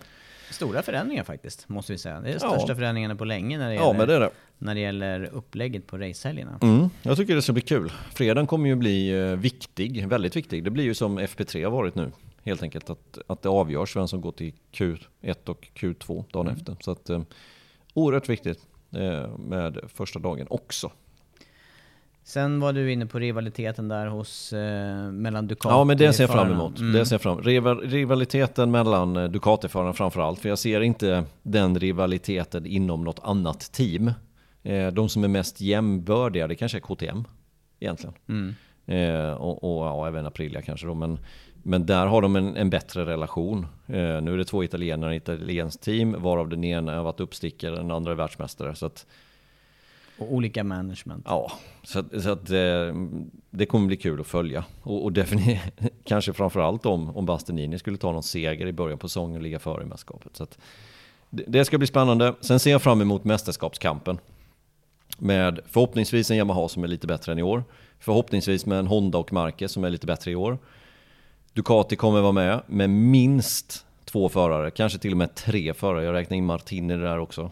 Jag tror att både Bastianini, Banjaya, Martin kommer vara de som sticker ut hos, eh, hos Ducke. De tre plus Quattararo, Marquez. Det är fem. Eh, någonstans där tror jag vi hittar nästa års världsmästare. Och det ska bli kul att följa för det, det finns både Quattararo och Marquez som, som har en nivå till. Kan de ta den där lilla nivån då, då kommer det bli otroligt jämnt. Och sen skulle jag vilja eh, fånga upp de här eh, uppstickarna som du snackade om också då. Skulle kunna vara Oliveira om det lirar med, eh, med Aprilian. Alex Marquez skulle kunna bli en stor överraskning. Inte för ett mästerskap kanske, men skulle mycket Mm. väl kunna stöka till det. Under... Sa du Oliveira? Jag sa Oliveira. Mm. Oliveira och Alex Marquez. Mm. Exakt. Spännande att följa. Uppstickare. Mm. Ja. Spännande då. Säsong som väntar. Ja. Och ytterligare en, kvar. ytterligare en racehelg också inklämd någonstans. Ja, det var ju 21 i år skulle varit, men så blev det en inställd. Så att, ehm, två nya banor. Mm. Indien och Kazakstan. Väldigt udda. Det måste vi säga. Ska bli kul att följa hur det blir. Ehm, vad har vi mer då? Jag har bara sett Formel 1 där i, eh, Indien. Det är väl den banan de ska använda? Mm. Eller hur? Japp. Bud International Circuit. Eh, mm. Vi får se som sagt vad hur uh, banlayouten, vad det kommer att erbjuda för typ av racing där. Och sen några banor som, eh, som byter årstid tänkte jag säga. Barcelona som inte kommer köras eh, i början på juni som det brukar vara. Utan som kommer köras i början på september. Qatar som inte kommer vara premiär utan kommer vara näst sista racet. Också intressant förändring. Och så en senare säsongsfinal. 26 november. Det kan ju vi... Det kan vara jättedåligt väder Ja, det kan det vara. faktiskt. Mm. Det är större risk för att det är dåligt väder. Det kan givetvis vara bra också men eh, Och så säsongspremiär då i Portugal. tidigt. Mm. Kan också vara kallt. Kan också vara riktigt kallt. Ja. Det blir också lite udda. Mycket att se fram emot alltså. Och ehm, det här innebär ju att ehm, äntligen, äntligen, äntligen blev den här MotoGP-podden av Andreas. Ja, den blev äntligen av. Men jag tror att vi får säga god jul också nu. Jag vi får passa det. på att säga det. Annars kanske vi missar det. Ja. God jul till er alla. Och Eh, gott nytt år. Och gott nytt år. Så är vi tillbaka. Vi kan väl slå fast att vi är tillbaka Ja, åtminstone. det tycker jag att vi ska göra. i januari. Det blir bra. Har du något mer att tillägga? Jag har inget mer att tillägga. Tack för alla som lyssnar och eh, att ni har eh, hållit ut och väntat in den här podden.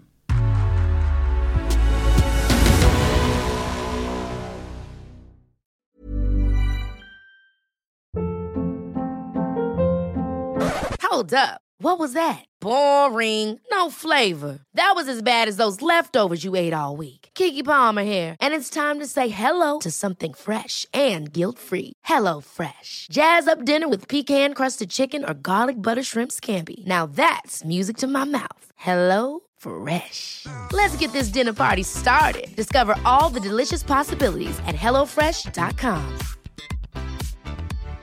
When you make decisions for your company, you look for the no brainers. And if you have a lot of mailing to do, stamps.com is the ultimate no brainer. It streamlines your processes to make your business more efficient, which makes you less busy. Mail checks, invoices, legal documents, and everything you need to keep your business running with stamps.com. Seamlessly connect with every major marketplace and shopping cart. Schedule package pickups and see your cheapest and fastest shipping options from different carriers with rates up to 89% off USPS and UPS rates. And with the Stamps.com mobile app, you can take care of mailing and shipping wherever you are. Make the same no brainer decision as over 1 million other businesses with Stamps.com. Sign up with Code Program for a four week trial, plus free postage and a free digital scale. No long term commitments or contracts. That's stamps.com. Code Program.